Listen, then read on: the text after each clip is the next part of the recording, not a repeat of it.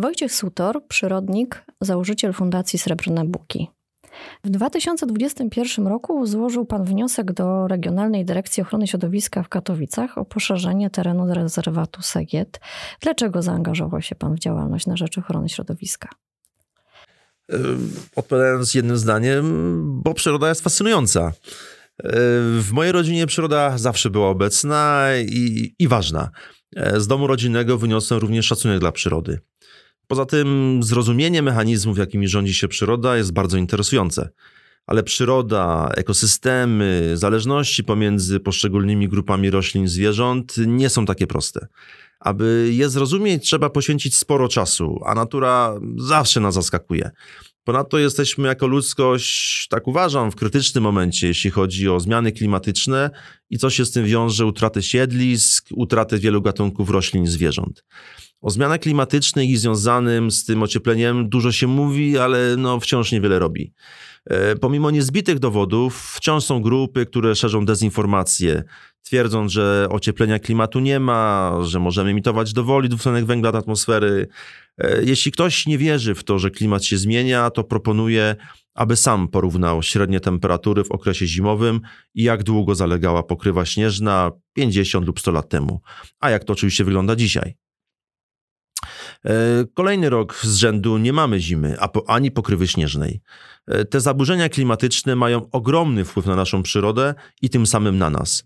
Dlatego też powołałem Fundację Srebrne Buki i zaangażowałem się w działalność na rzecz ochrony środowiska, e, aby no, po pierwsze chronić bioróżnorodność, chronić siedliska, obejmować ochroną cenne obszary przyrodnicze, ale także edukować społeczeństwo, no, głównie młodych ludzi, no bo niestety to głównie młodzi ludzie odczują skutki naszych decyzji. Za co najbardziej ceni pan e, Las Segiecki? E, to trudne pytanie, bo Sagiet jest wspaniały w każdym wymiarze. Ale najważniejsze są moim zdaniem e, sagieckie buki, bo to dzięki nim mamy wyjątkowy ekosystem oraz tak dużą bioróżnorodność, o którą dzisiaj musimy walczyć. Ekosystem to takie naczynia połączone. Mamy drzewostan bukowy, to mamy też wyjątkowe gatunki roślin w runie związane właśnie z buczynami. Mamy stare drzewa, to mamy dzięcioły, które wykuwają sobie dziuple. Jak mamy dziuple, to mamy dziuplaki wtórne jak sikory czy kowaliki. E, w starych, zamierających drzewach żyje całe bogactwo owadów i grzybów związanych z martwym drewnem. Buczyny często określa się jako drzewostany tak zwane parasolowe – to znaczy, chroniąc buczyny, chronimy cały ekosystem. Poza tym Segiet pokazuje nam, jak przyroda się odradza. Ten teren był przez setki lat przekształcany i niszczony przez człowieka. Oczywiście, aby wydobyć cenny kruszec, e, wycinano las. Drewno było także potrzebne, w, nazwijmy to, w całym procesie technologicznym. Od zrobienia drewnianych narzędzi, płuczek, aż do używania drewna do wytopu surowca ale pomimo tak dużej presji tego górnictwa kruszcowego, las przetrwał do dziś. Las Sagiecki ma więc bardzo ciekawą historię i cieszę się, że jest objęty ochroną rezerwatową oraz y, jest także chroniony jako obiekt UNESCO, jako dziedzictwo kulturowe i przyrodnicze. A jakie ciekawe gatunki roślin e, spotkamy na terenie Lasu Sagieckiego? W Sagiecie występuje 18 gatunków roślin chronionych. Najciekawsze moim zdaniem są storczyki, których mamy aż 8 gatunków. A są to m.in. obuwik pospolity, trzy gatunki buławników oraz licznie występujące kruszczyki. Występowanie wszystkich trzech gatunków buławników w jednym miejscu jest naprawdę rzadkością w skali województwa, a nawet w skali kraju. E, przypomnę, że buławniki są objęte ochroną ścisłą i są umieszczone w Czerwonej Księdze dla naszego województwa. E, musimy jednak pamiętać, że storczyki mm, no, są bardzo delikatnymi i wrażliwymi roślinami.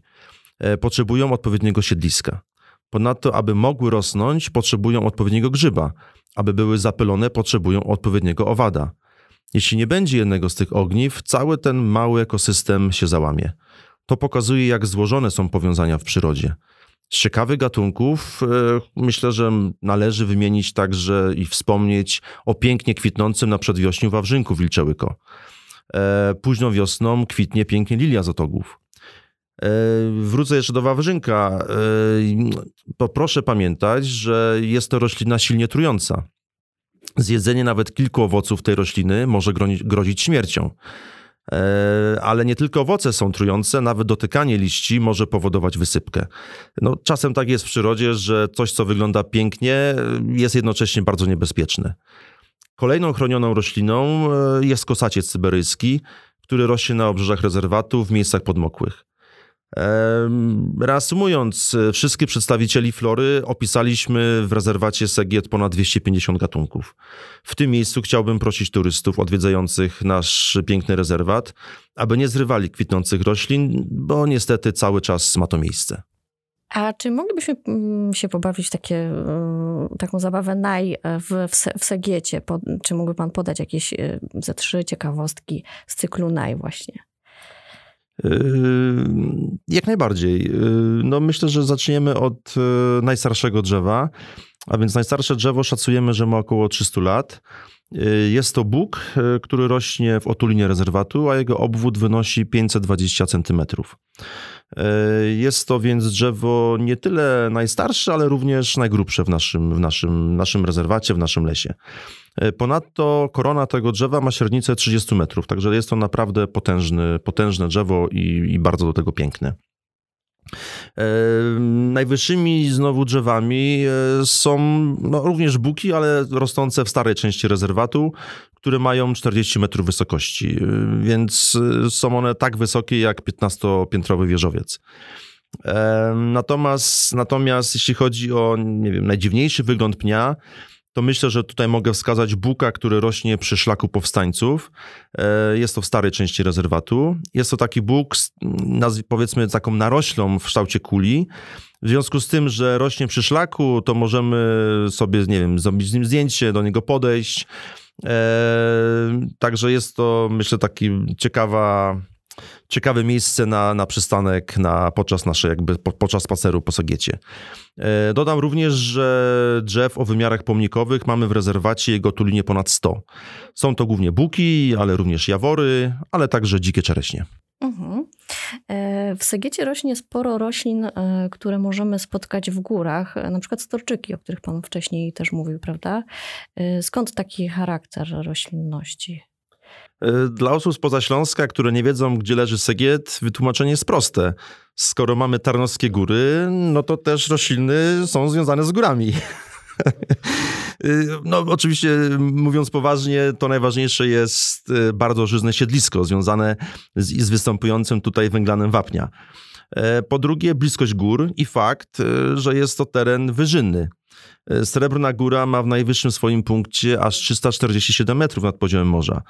Dlatego w tutejszej florze znajdujemy, tak jak pani wspomniała, e, szereg gatunków górskich, a myślę, że warto wymienić e, tojat dziubaty, lepiężnik biały, kokoryczkę okółkową czy bezkoralowy. E, tojat dziubaty dodatkowo jest, ochron- jest rośliną chronioną i ma w Segiecie no, swoje jedyne naturalne stanowisko na Wyżynie Śląskiej. Kwitnie bardzo późno, bo dopiero no, na przełomie sierpnia i, i września. Mhm. I to też jest taka górska roślina, tak? tak, tak, tak. Mhm. E, a może przejdźmy teraz do fauny. Czy e, segiecką buczynę, czy w ogóle las segiecki podobały sobie jakieś, szczególnie upodobały sobie jakieś gatunki zwierząt? E, na pewno dzięcioły, których mamy w Segiecie sporo i możemy obserwować praktycznie przez cały rok. Występuje tu dzięcioł czarny, dzięcioł zielonosiwy, zielony, naj, nasz najpospolitszy w kraju dzięcioł duży, ale również mniej popularny, czy mniej, mniej jakby rzadziej występujący dzięcioł średni i dzięciołek. E, co mnie bardzo cieszy, dzięcioł czarny, czyli nasz, naj, czyli nasz największy z krajowych dzięciołów, zwiększa swoją liczebność. E, w oczkach wodnych na terenie rezerwatu swoje gody odbywają płazy, takie jak żaba trawna, żaby zielone, ropucha szara. Ponadto występuje tu dość liczna populacja traszki grzebieniastej, a traszka grzebieniasta to nasza no, największa krajowa traszka, która osiąga nawet 15 cm długości. Na terenie Lasu Segieckiego spotykamy również y, mniej licznie, ale, ale spotykamy rzekotkę drzewną czy ropuchę zieloną. Y, nie ukrywam, że mam nadzieję, że dzięki powiększeniu rezerwatu te gatunki zwiększą swoją liczebność. Jako ciekawostkę mogę podać, że w listopadzie ubiegłego roku nasz e, rezerwat Segiet odwiedził łoś. A na początku pandemii widziałem w otulinie rezerwatu trzy jelenie. Więc może kiedyś osiedlą się na stałe, ale aby tak było, musimy pozostawić zwierzynie szlaki migracyjne, aby mogły się przemieszczać pomiędzy różnymi kompleksami leśnymi. E, w Lesie Zagieckim oczywiście mamy stabilną populację sarny, dzika. W ostatnich latach także jest sporo lisów, jenotów, a coraz częściej możemy spotkać borsuka. Mhm. A to bardzo ciekawe z tym łosiem. Pan często bywa w ogóle w Segiecie, że pan takie obserwacje? Y, w Segiecie bywam bardzo często, ale nie ukrywam, że spotkanie łosia no, mocno mnie zdziwiło, ale tylko raz go widziałem, więc jak to łoś, no, na pewno przyszedł na chwilę i poszedł dalej, więc to jest takie typowe dla łosia. E, no to może teraz przejdźmy do historii tego terenu, bo też jest dość ciekawa. E, jak długo ten, e, ten obszar, na którym teraz jest Las Segiecki, był przekształcany przez człowieka? Jaką tu człowiek prowadził działalność konkretnie? Kiedy, kiedy natura zaczęła powracać w to miejsce? Bazując na informacjach Stowarzyszenia Miłośników Ziemi Tarnogórskiej, pierwsze szyby powstały już na tym terenie w II wieku naszej ery. Więc no, ta eksploatacja tego terenu trwała przez prawie 2000 lat. E, jak już wspomniałem, eksploatacja przez człowieka e, no, tego terenu miała różne nasilenie w różnych okresach. E, pomiędzy okresami intensywnego rozwoju górnictwa były również czasy kryzysu.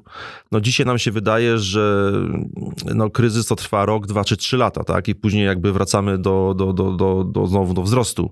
No w, tamtym, w tamtych jakby czasach taki kryzys potrafił trwać i 100 lat. Więc no był to świetny taki, bym powiedział, okres, moment na odrodzenie się lasu.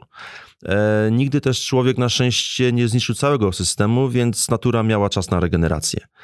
E, najgorszy moim zdaniem był okres końcówki XIX wieku i początek XX wieku. Wtedy zaczęto pozyskiwać dolomit, który był wykorzystywany w procesach hutniczych. E, dam taki przykład. E, pod koniec XIX wieku wycięto kilkanaście hektarów lasu sagieckiego od strony wschodniej z myślą o utworzeniu kopalni dolomitu. Dziś w tym miejscu jest stare wyrobisko dolomitu Blachówka, głębokie na 40 metrów. Także to było jakby no, bezpowrotnie zniszczono las. Las e, dopiero teraz powraca na ten teren. E, już po utworzeniu rezerwatu w 1953 roku były plany, aby go zlikwidować, gdyż pod Srebrną Górą także są spore złoża dolomitu. Na szczęście udało się ochronić rezerwat i kopalnia nie rozebrała Srebrnej Góry. Na początku XX wieku presja przemysłu była tak, tak duża, no nikt nie liczył się wtedy z przyrodą. Przyrodnicy już 100 lat temu starali się o ochronę tego terenu, ale wojny światowe, interes przemysłu nie pozwoliły na ochronę tego terenu. E, w czasach PRL-u problemem było straszne zanieczyszczenie powietrza, co wpływało bardzo negatywnie na drzewostan. E, w tym czasie uschły wszystkie jodły pospolite w Sagiecie, no, które są bardzo wrażliwe na emisje przemysłowe. Ale od lat 90. XX e, wieku las powoli łapie oddech. No i niektóre gatunki roślin zaczynają powracać, a odnajdujemy rośliny, które nie były notowane na tym terenie od 40 lat. Hmm, no to świetnie. No i las przetrwał na szczęście, a dzięki panu ogromnemu udziałowi powiększył się e, trzykrotnie. I zmienił się w związku z tym status też prawnej ochrony tego terenu. Jakie wskazówki co do spacerowania po Segiecie są najbardziej istotne? To znaczy chcielibyśmy korzystać z tego pięknego obszaru, a jednocześnie nie dostać mandatu. Tak, y, rezerwat przyrody, no to obok Parku Narodowego jedna z najwyższych form ochrony przyrody w naszym kraju. Dlatego w rezerwacie możemy poruszać się tylko po wyznaczonych szlakach. E, nawet jeśli od szlaku odchodzą jakieś ścieżki, nie możemy na nie wchodzić. W Segiecie mamy dwa szlaki. Y, pierwszy to szlak powstańców. E, jest to szlak pieszy, oznakowany kolorem niebieskim i biegnie przez starą część rezerwatu no de facto od parkingu na Blachówce w kierunku Rept aż do ulicy Żeromskiego. E, drugi szlak to szlak pieszo-rowerowy, który biegnie po tak zwanej bance. E, może słowo wyjaśnienia, skąd się wzięła ta nazwa banka. No, nazwa pochodzi od e, kolei wąskotorowej, która jeszcze 100 lat temu wywoziła urobek z Lasu Sagieckiego. Ten drugi szlak jest oznakowany jako trasa rowerowa numer 20. E, w tym miejscu chciałbym podkreślić, że w rezerwacie możemy się poruszać tylko po wyznaczonych szlakach. Jednocześnie chciałbym prosić turystów, aby nie schodzili z tych szlaków. W rezerwacie nie możemy również zrywać kwiatów i grzybów, nie możemy zrywać lub wykopywać całych roślin. Niestety zdarzają się przypadki zrywania głównie no, konwali majowej i czosnku niedźwiedziego. A moim zdaniem, e, niezależnie czy to jest rezerwa, czy inny las, nie powinniśmy zrywać kwiatów. Niech cieszą także innych turystów. Jeśli każdy chciałby zerwać sobie kwiaty w lesie, to szybko by ich zabrakło.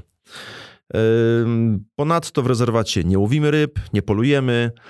E, w każdym lesie, nie tylko w rezerwacie, nie możemy rozpalać ognisk, nie możemy biwakować oraz, co może oczywiste, no ale no, nie możemy również śmiecić.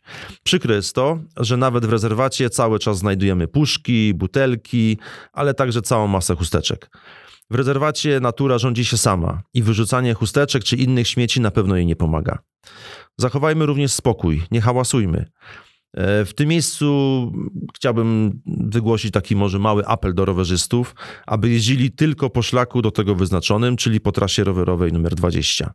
Niestety, pomimo wielu apeli, cały czas rowerzyści jeżdżą poza szlakiem, niszcząc ściółkę w najcenniejszym fragmencie naszego rezerwatu.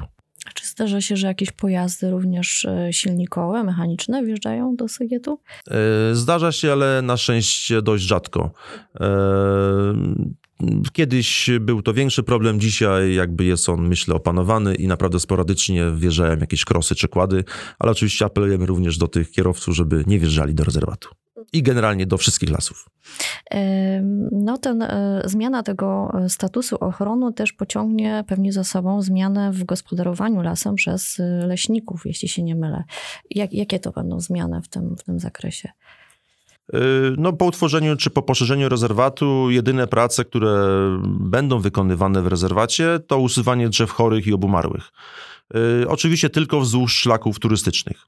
Y, co roku leśnicy inwentaryzują takie drzewa i następnie w okresie zimowym są one ścinane, ale co bardzo ważne, co chcę podkreślić, drewno nie jest wywożone z lasu, y, ponieważ w rezerwacie no, martwe drewno jest bardzo cenne.